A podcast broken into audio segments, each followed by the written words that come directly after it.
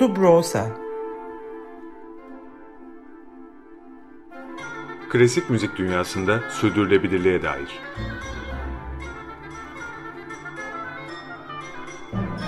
Hazırlayan ve sunanlar Zafer Yenal ve Yaren Eren Budak.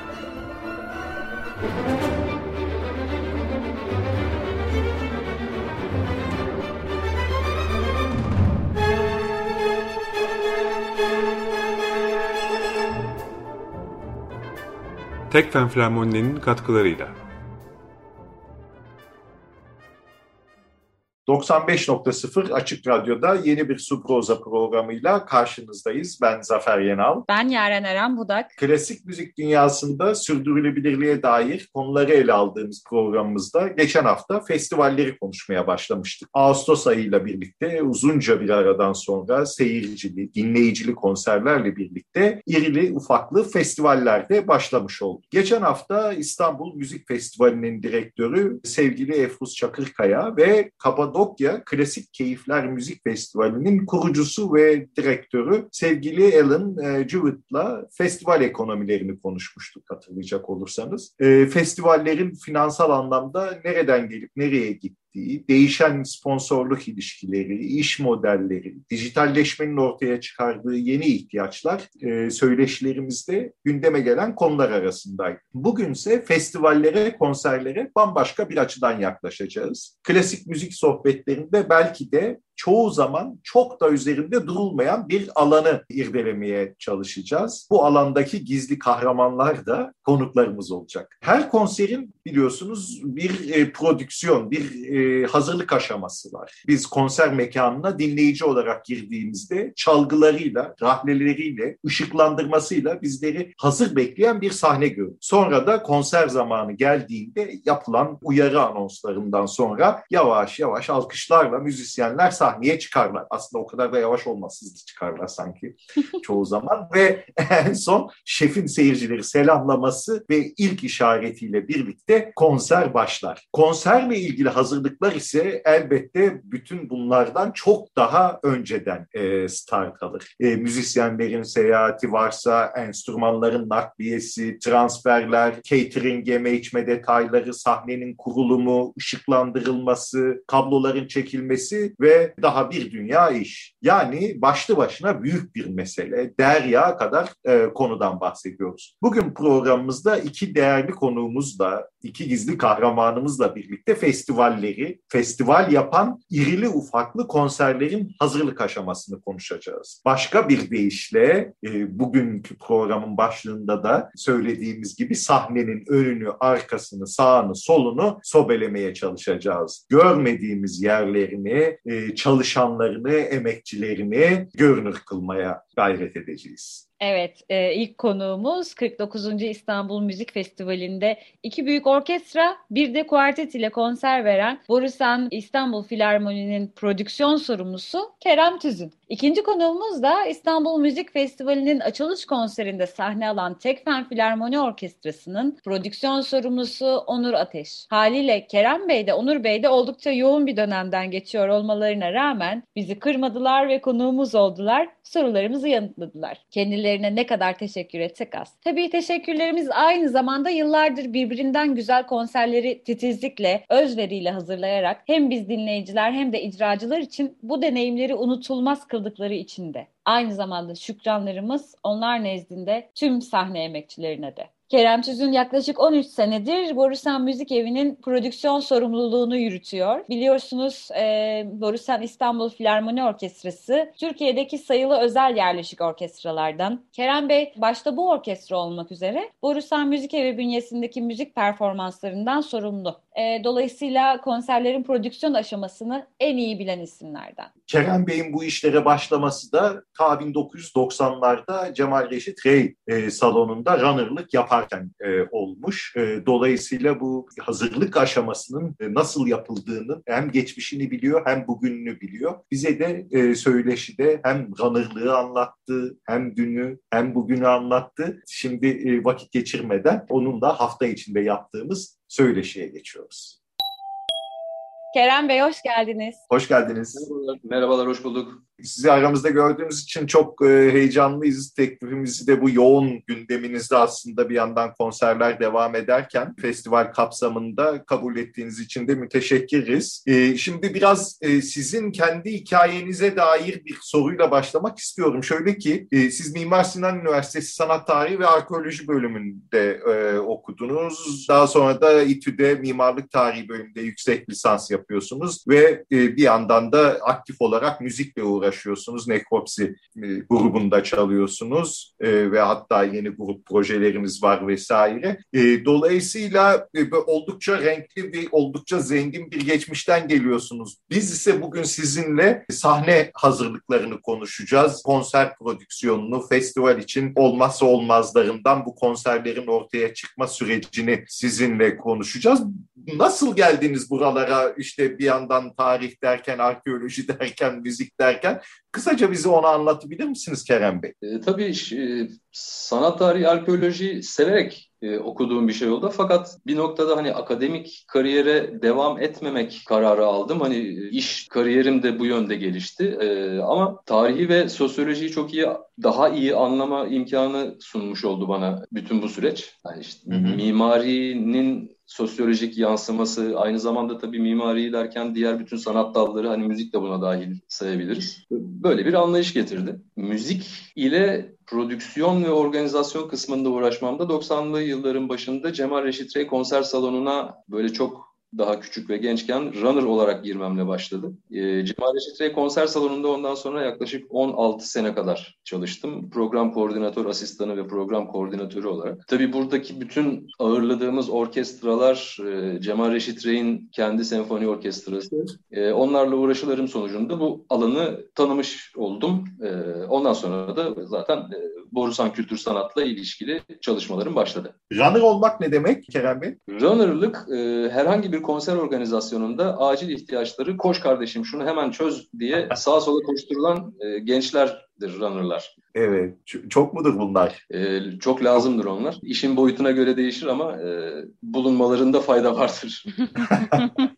Son an ihtiyaçlarında koş dediğimiz adamdır o. Sizin bir de e, Boğursan Sanat'ın Facebook sayfasında bir e, yazınız var kendinizi tanıtırken. Diyorsunuz ki biz sizleri konserlerimize beklerken pek çok sahne kuracağız, kablo çekeceğiz, ses ve ışık provaları yapacağız. Her zamanki gibi sizler gelmeden tüm hazırlığımızı bitirmeye çalışacağız. Dolayısıyla epeyce bir iş var herhalde değil mi? Sizin e, bir konserden önce tamamlamak, layıkıyla yerine getirmek durumunda olduğunuz. Biraz o e, kalemleri bizimle paylaşır mısınız? Bir konser hazırlanırken özellikle ne tür iş kalemleri önünüze çıkıyor sizin? Klasik müzik ekseninde hani ya da Bifo ekseninde bakarsak zaten hani Bifo'nun bir konserinin oluşuyor olması aslında ilk başta hani zaten elimizde Kuyu suyu belli, geleneği belli bir orkestra olduğunu varsayıyoruz. Sezon ne zaman açtığı, kapadığı belli. Ee, konser günü belli. Sürekli şefimiz belli. Hadi bunları oturttuk, bir kenara koyduk. Bir ya da iki sene öncesinden e, bu orkestra ne çalacak? Programlar nedir? Konuk şefler kimlerdir? Solistler kimlerdir gibi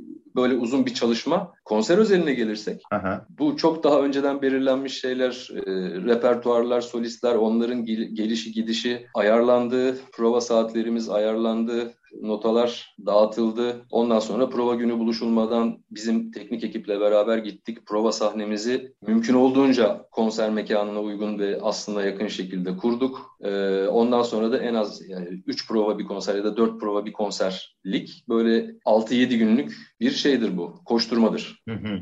Peki burada sizin özellikle biraz da e, müzisyen olmanızla da alakalı olarak işte kabloları çektik, ışığı ayarladık, e, ses düzenini kontrol ettik. Burada sesle ilgili sizin özellikle ihtimam gösterdiğiniz konular neler? Bir e, senfoni orkestrasının Bifo'yu düşünecek olursanız mesela nelere özellikle dikkat ediyorsunuz sahnede? Bifo'nun kendi konser mekanlarında biz zaten normalde akustik olarak çalışıyoruz. Bu e, benim daha başka Borusan Müzik Evi'nde ya da başka noktalarda ilgilendiğim caz, elektronik, çağdaş müzik gibi şeylerde kablolama işimiz daha çok olur. Fakat son dönemde de pandemi döneminde canlı yayınlama, konseri, video ve ses kaydı yapıp sonradan yayınlama şeyleri de çok olduğu için kablo referansı oradan gelir. Hmm. Bir senfoni orkestrasının kaydedilmesi için bayağı kablo çekilir. toparlanır. E, dikkat edilen noktalar hani orkestrayı mümkün olduğunca rahatsız etmeyecek, görselliği bozmayacak. Ondan sonra görüntü yönetmenimiz gelip bu mikrofonu biraz sağa çeker misiniz dediğinde onlara uydurulacak. Herkesin uyum içinde çalışacağı bir takım özverilerde bulunulacak. Şeyi çok uzundur. Yani o, o liste çok uzundur.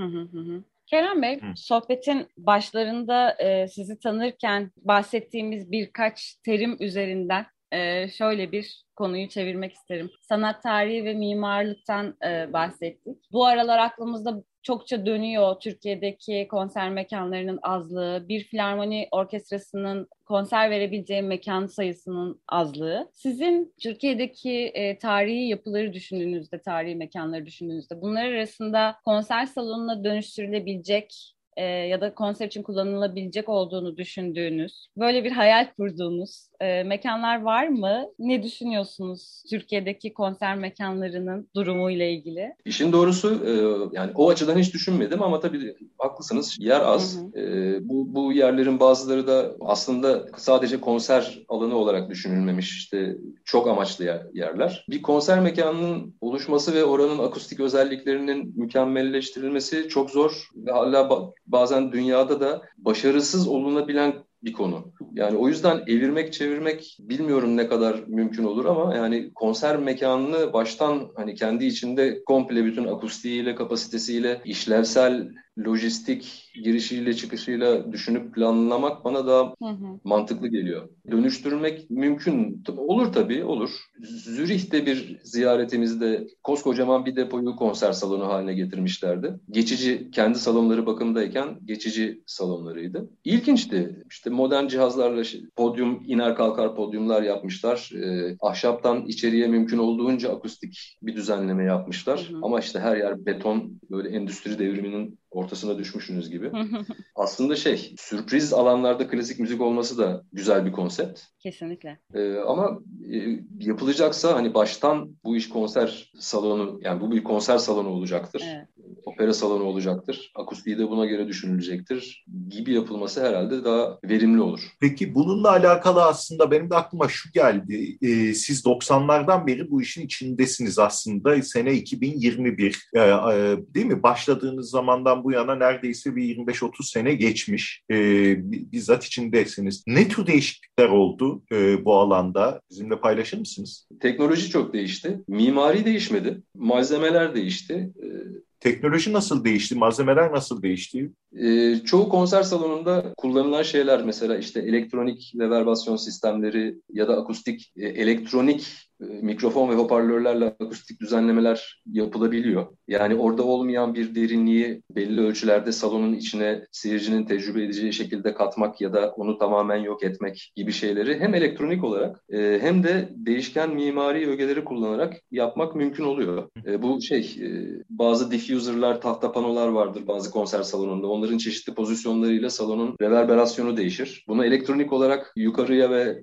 duvarlara gömülmüş mikrofon ve hoparlörlerle de yapmak mümkün. Ee, böyle ilginç şeyler var tabii yani çok çok pahalı, çok çok çok iyi hesaplanması gereken bir de işte hala çok ilginç yani akustik düzenlemenin bir böyle bir fenomen e, başarısız olma ihtimali de olan bir konu. 95.0 Açık Radyo'da Subrosa programını dinliyorsunuz. Bugün festivallerin, konserlerin hazırlık ve prodüksiyon aşamalarını konuşuyoruz. İlk konuğumuz Borusan Müzik Evi'nin prodüksiyon sorumlusu Kerem Tüzün'le birazdan sohbetimize geri döneceğiz. Ama önce biraz müzik dinleyeceğiz.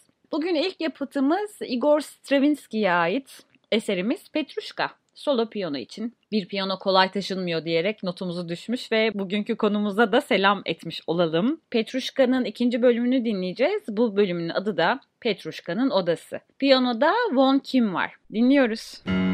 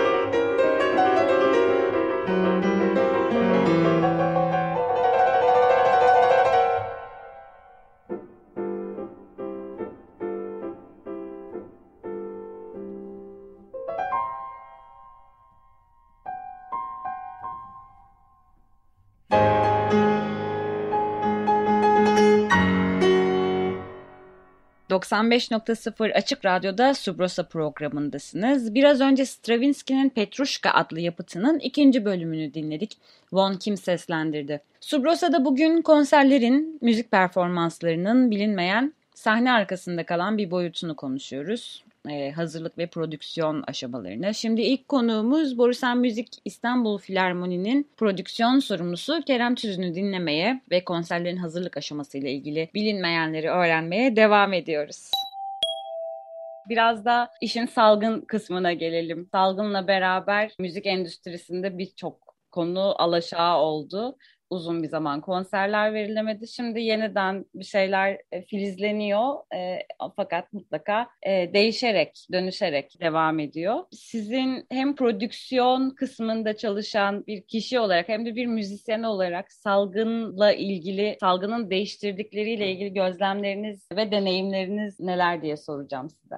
Hmm, tabii. E, şimdi öncelikle de uzunca bir süre e, seyirciyi unuttuk e, işte yapabilen kurumlar ve organizasyonlar ses ve görüntü kayıtlarıyla o birlikteliği sağlamaya çalıştı. Hani biz de BIFO'yla Borusan Kuartet'le aynı yolu izledik. Seyircisiz olarak bu kayıtları yapıp işte onları paylaşalım. Ee, tabii bunun dışında kalabalıktan uzak durmak ve bir orkestra da çalıyor orkestranın çalıyor olması da birbiriyle ters konular. E, oturma şeklimiz, sahneye oturma şeklimiz, sahnedeki sayılarımız, birbirimize olan mesafemiz çok değişti. Hı hı. E, işte nefesli sazların e, nasıl izole ederiz, onu nereye koyarız, birbirimize mesafemiz ne olması lazım. İşte uluslararası diğer orkestralar ne yapıyor, ne ediyor, işte bir takım incelemeler takip edip uyum sağlamaya çalıştık. Baya normal orkestra nasıl oturuyordu unuttum diyebilirim.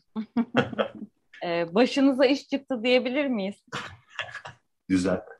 Yani insanoğlu, insanoğlu tuhaftır. İnsanoğlu her şeye uyum sağlar aslında ama e, tabii bu çok zor oldu. Çok gerçekten ağır geçirmesi. E, işte inşallah bir, biraz daha düzelerek normale doğru giden en azından uzakta bir ışık gözüktü galiba. Bir de bir şey merak ettim Kerem Bey. Sizin e, tabii turnelerimizde oluyor değil mi? Ya da oluyordu Covid öncesi dönemde daha sık seyahatleriniz falan. E, siz gene bu seyahatlerin genel organizasyonundan o, orada gideceğiniz yerdeki sahne düzeni e, işte oraya adaptasyon sürecini falan da yine siz mi yönetiyordunuz? Nasıl oluyor o turne ve e, diyelim e, daha evde yaptıklarınız arasındaki farklar var mı? E bir tabii şimdi turneye gidildiği zaman e, gidilen salonlarla alakalı bütün bilgiler toplanıp e, o salona nasıl yerleşirizlerin de hesaplanıyor olması lazım çalınacak repertuara göre. E, işte değişik ölçülerdeki salonlara yani her yerde aynı şekilde orkestrayı oturtmak mümkün olmayabiliyor. Orada çok sevgili dostum Murat Çakar'ın çok yardımları olur bize. E,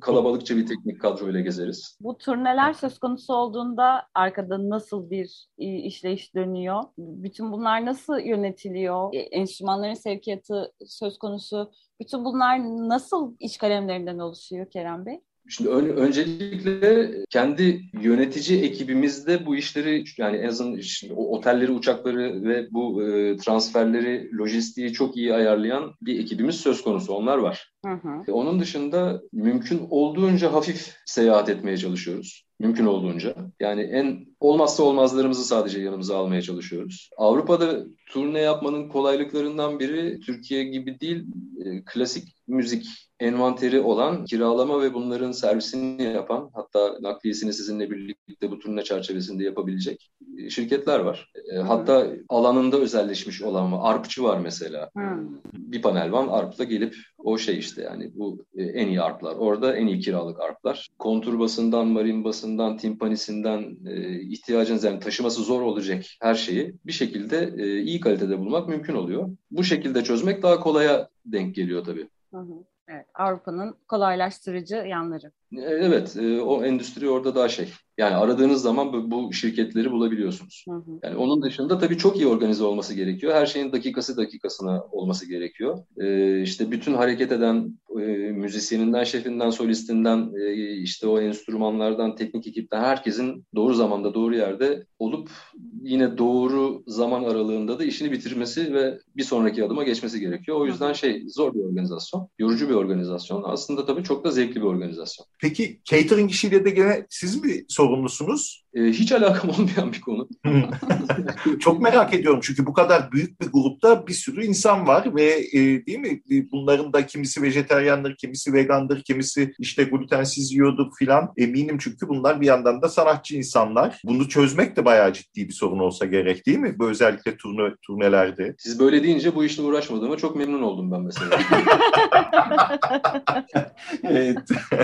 Peki ama siz bir yandan da müzisyenlerle uğraşıyorsunuz, e, sanatçılarla uğraşıyorsunuz ve siz de bir sanatçısınız. E, belki daha da iyi tanıyorsunuz sanatçıları sanatçı olduğunuz için ama ekstra bir zorluğu da var mı? Ne dersiniz? Yok ekstra bir zorluğu yok. Yani benim için o, empatiyi kurmak daha kolay oluyor. Hani e, çok büyük bir heyecan ya da çok büyük bir beklenti içinde olmanın sahne öncesinde nasıl hissediliyor olduğunu biraz daha yakın hissediyorum kendimi. Hı hı hı. E, yani o yüzden anlıyorum mesela bir gerginlik varsa anlıyorum onu. E, zaten hani genel olarak sahne öncesinde hiç kimseyle hiçbir şekilde bir tatsızlık olmadan herkesi mümkün olan en mutlu şekilde sahneye göndermek lazım. Çünkü yani iyi çalınmayacaksa zaten o konserin tadı kaçar. Evet. E, ama e, yine kendi içimizde zaten böyle şeyler, sürtüşmeler yaşamadan e, çünkü uzun zamandır birbirini tanıyan bir döngümüz var. var çok güzel geçiriyoruz. Her e, tabii ki şey e, son dakika heyecanları olmazsa olmaz. E, ama belli bir tecrübe çerçevesinde hepsi halloluyor. Evet ne güzel. Ee, peki sizin böyle bir bizimle paylaşmak istediğiniz bir ne bileyim bu da başıma geldi türünden bir anınız, anekdotunuz var mı? Ee, olması lazım diye düşünüyorum ama birdenbire şu anda düşünüyoruz.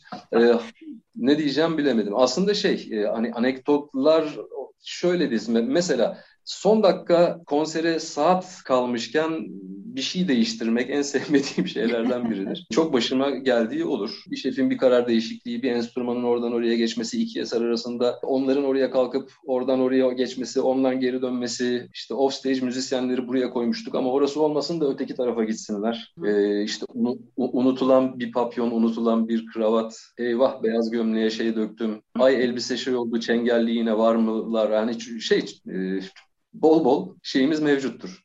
Heyecan ee, yaratacak. Şey bizimkilerle alakası yok ama mesela şey çok üzülmüştüm benim. Misha Maiski ve kızı gelmişti. Evet. Ee, kızı piyano çalacak işte e, böyle bir resital yapacaklar. Ee, kızcağız sahneye adımını attığı gibi balıklama eteğine basıp sahneye balıklama düştü. Ah. Mesela bir konser şey açısından ondan sonra da ağlayarak içeri kaçtılar beraber. Böyle büyük alkış oldu seyirciden falan. Mesela ah, o çok Yazık yani. Toparladın peki sonra? Tabii tabii toparladım. Hmm.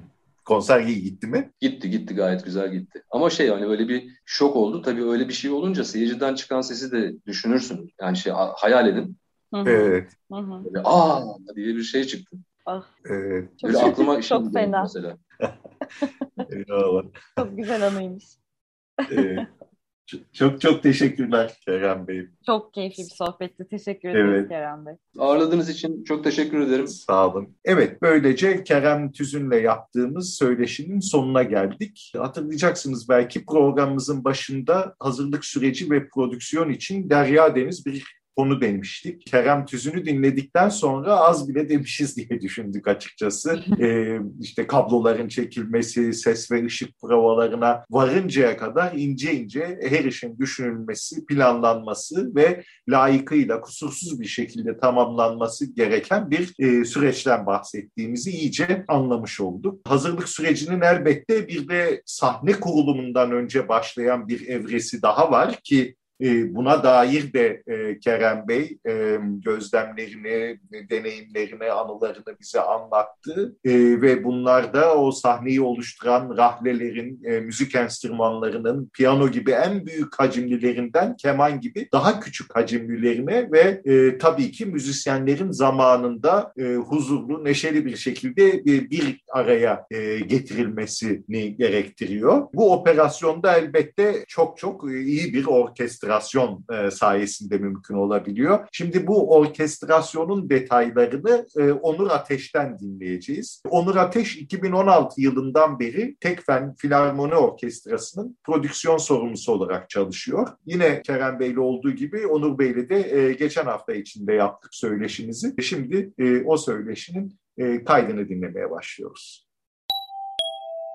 Onur Bey hoş geldiniz. Hoş geldiniz. Hoş bulduk, merhaba. Öncelikle çok merhaba. teşekkür ederiz bu yoğun zamanda davetimizi kabul ettiğiniz için. Bu haftalar festivallerin yoğun bir şekilde ardı ardına dizildiği ve tüm hızıyla devam ettiği haftalar. Ülkenin bir sürü yerinde festival var. İstanbul'da da var tabii. Siz de e, Tekfen Filarmoni ile beraber İstanbul Müzik Festivali'nin açılış konserini yaptınız. Daha geçen hafta ve hala bildiğim kadarıyla yorgunluğunu atamadınız. Bu festivalle başlayabiliriz yani hafızanızda en son kalan festival olarak. Ne kadar öncesinden, festivalden ne kadar önce çalışmaya başladınız bu festival için? Bütün bu altyapı hazırlıkları ne kadar sürdü? Hı hı.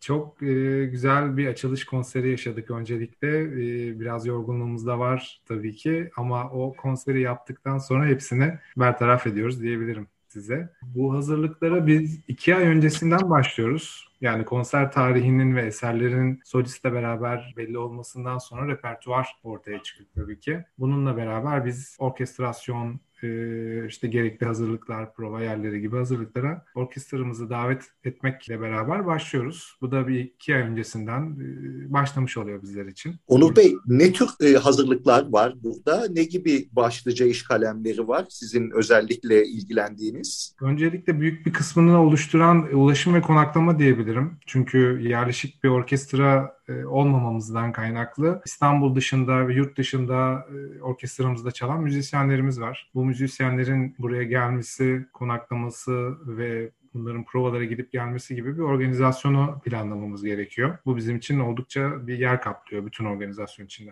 Dev bir orkestranın bir yerden bir yere taşınması kulağa çok komplike geliyor. Enstrümanlar var bir yandan, bir yandan sanatçıların kendi özel durumları var vesaire. E, bu taşınma süreci nasıl yaşanıyor? Bir se- seyahat söz konusu olduğunda başınıza neler geliyor Onur Bey?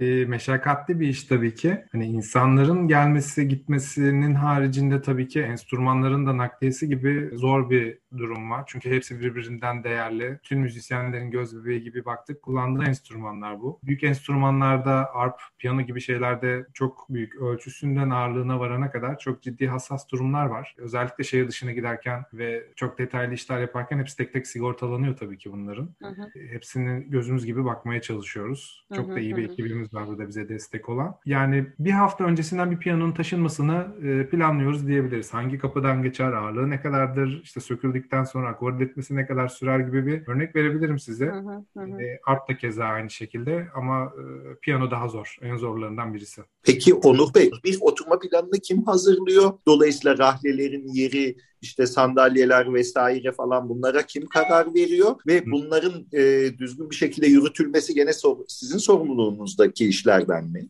Ee, şöyle benim müzikal eğitimim yok. Ben tamamen organizasyon ve lojistik tarafıyla ilgilendiğim için e, orkestramızın yardımcısı, şef yardımcısından bu konuda destek alıyoruz. E, her esere göre orkestrasyonun belirlenmesiyle beraber zaten davetimiz de buna göre yapılıyor. İşte ne kadar keman, ne kadar kontrbas, hangi enstrüman çalacak şeklinde. Bunların da e, şefimizle beraber şef yardımcımızın karar verdiği bir düzen var. Sesi daha iyi alabilecek şekilde iyi bir planlamayla e, şefin de onayıyla beraber bir oturma düzeni çiziliyor. E, orkestramızın bir sahne düzenleyicisi var. O ve nakliye ekibi podyum kurulumlarını yapıp hepsini yerli yerine yerleştirip e, son dönemlerde biliyorsunuz e, Covid vakaları yüzünden işte sosyal mesafe ve onların kendi aralarında nefeslilerin özellikle kullanacağı plexiglassları da kullanacak şekilde bir mesafe ayarlaması ve kurulum planlanıyor. Buna göre her şeyi evet. yerine yerleştiriyorlar. Onur Bey, bütün bu prodüksiyonun merkezindeki insan olarak bir konser söz konusu olduğunda nasıl e, kalemlerle başa çıkıyorsunuz? Nasıl insanlarla, nasıl e, örneğin şirketlerle, nasıl iş kollarıyla ortaklık sağlıyorsunuz? Ee, ya burada bir seyahat ajantamız var. En başından hani ulaşım ve konaklamadan, transferden bahsettiğimiz için e, büyük bir kısmında seyahat ajantamızla başlıyoruz diyebilirim. E, organizasyon kısmında. Bundan sonra prova yaptığımız yer, mekan sorumluları, bununla beraber enstrümanların nakliyesiyle ilgilenen ekip, e, orkestranın prova yaptığı yerdeki sorumlular ve orada orkestranın yeme, içme, catering gibi ihtiyaçlarını karşılayacak ekiplerle, e, konser alanındaki görevlilerle, işte ses, ışık, podyum gibi düzenlemeleri yaptığımız ekiplerle hepsiyle aynı anda irtibat halinde oluyoruz. Hı hı. Ee, hepsini bir koordinasyonla, iyi bir planlamayla e, bir araya getirmeye çalışıyoruz diyebilirim. Evet. Sahne arkasında da adeta bir orkestrasyon söz konusu yani değil mi? Evet, evet. Yani e, ortalama 70 ila 80-85 kişinin e, toplandığı bir orkestrasyonda. E, bunun arkasında bölümlerine göre çalışan, e, nereden baksanız yani 40 kişiye yakın insanla birlikte bu işi yürütüyoruz diyebilirim. 95.0 Açık Radyo'da Subrosa programındasınız. E, Tekfen Filarmoni Orkestrası'nın prodüksiyon sorumlusu Onur Ateş'i dinlemeye başladık biraz önce. Onur Bey bize konserlerin hazırlık aşamasında öncelikle lojistik, nakliye, seyahat gibi ayrıntıları anlatıyor.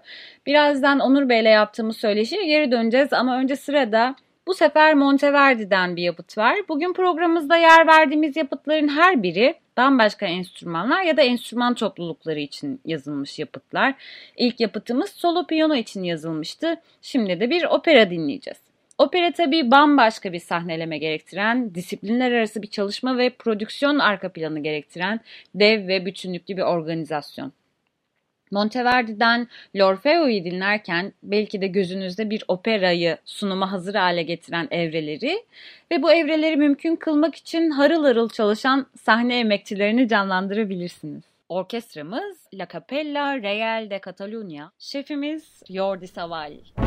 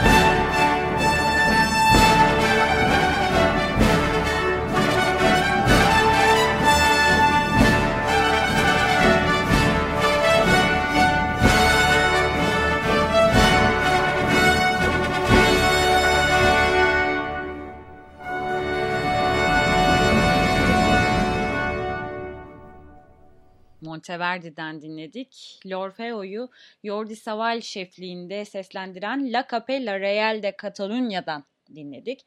Yavaş yavaş bugünkü programımızın sonuna yaklaşıyoruz. Vakit kaybetmeden Tekfen Filarmoni Orkestrası'nın prodüksiyon sorumlusu Onur Ateş'i dinlemeye devam edelim.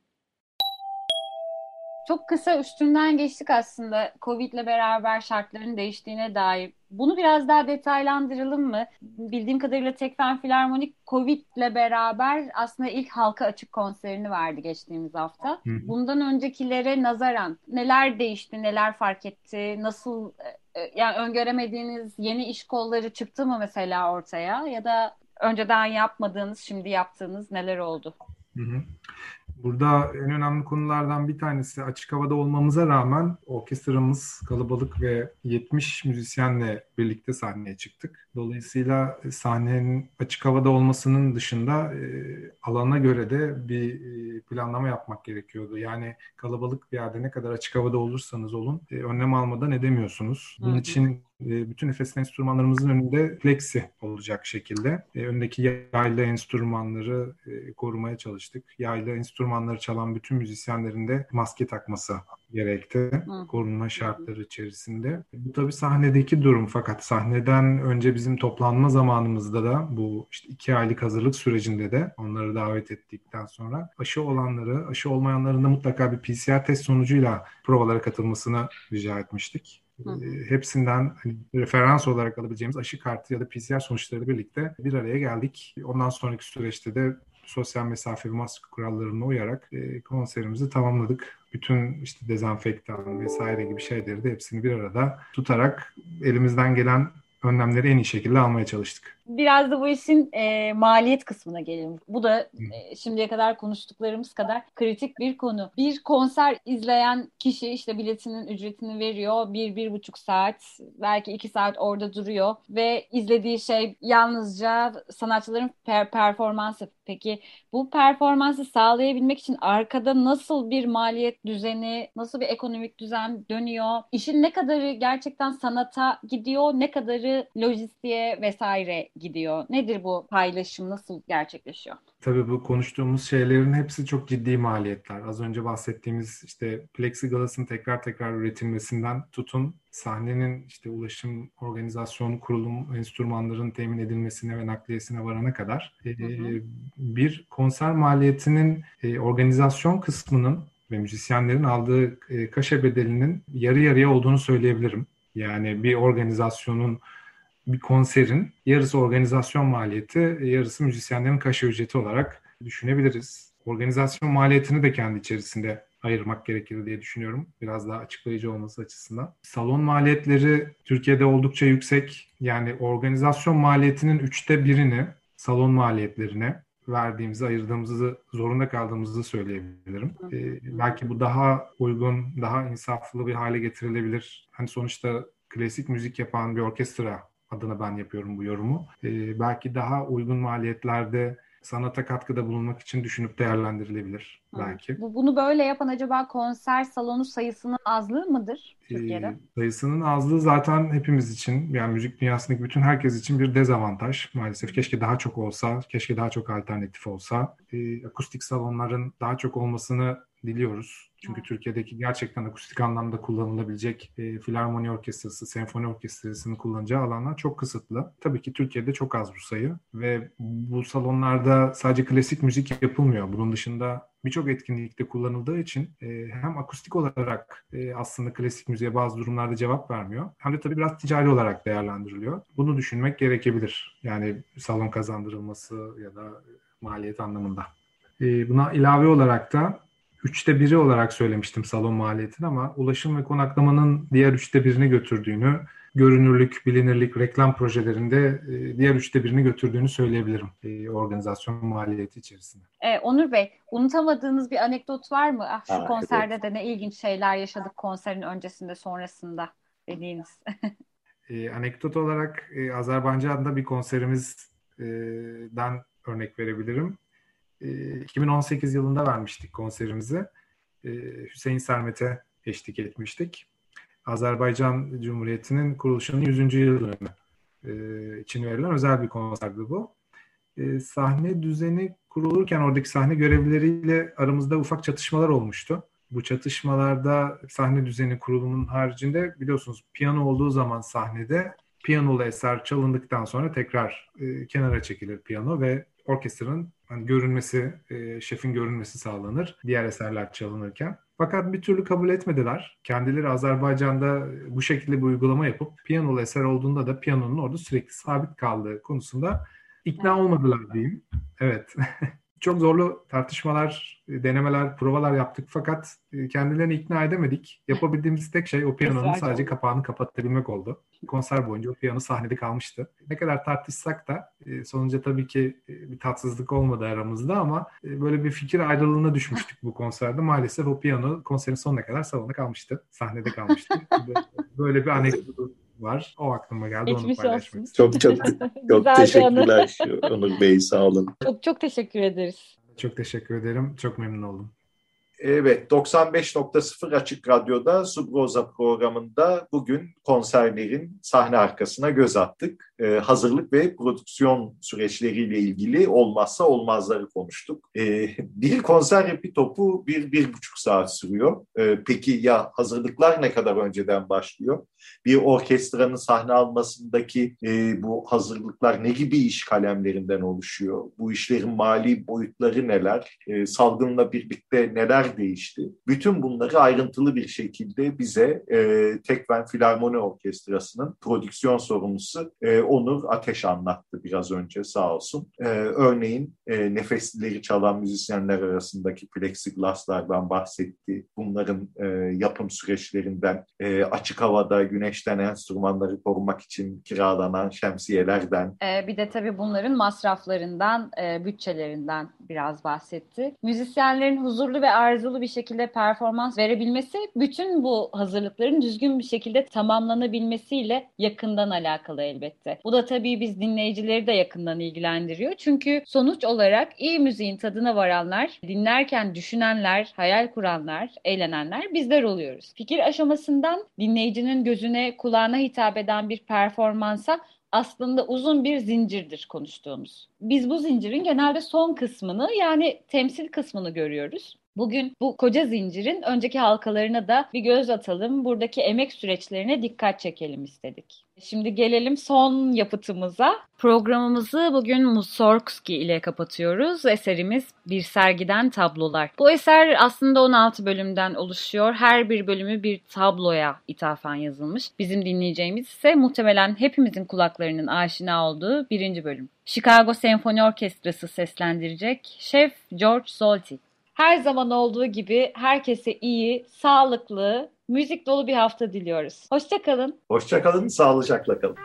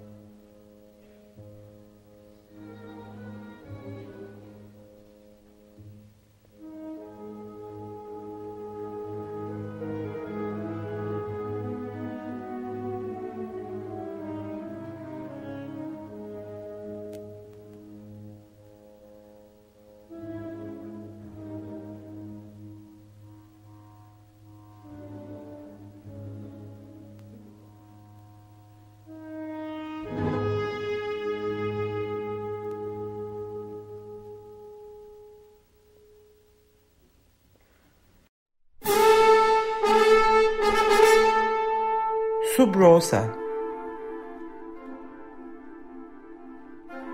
Klasik müzik dünyasında sürdürülebilirliğe dair.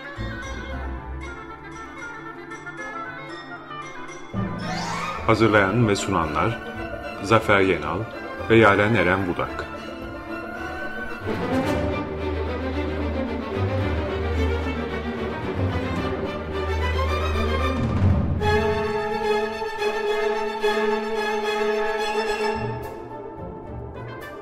Tekfen Flamoni'nin katkılarıyla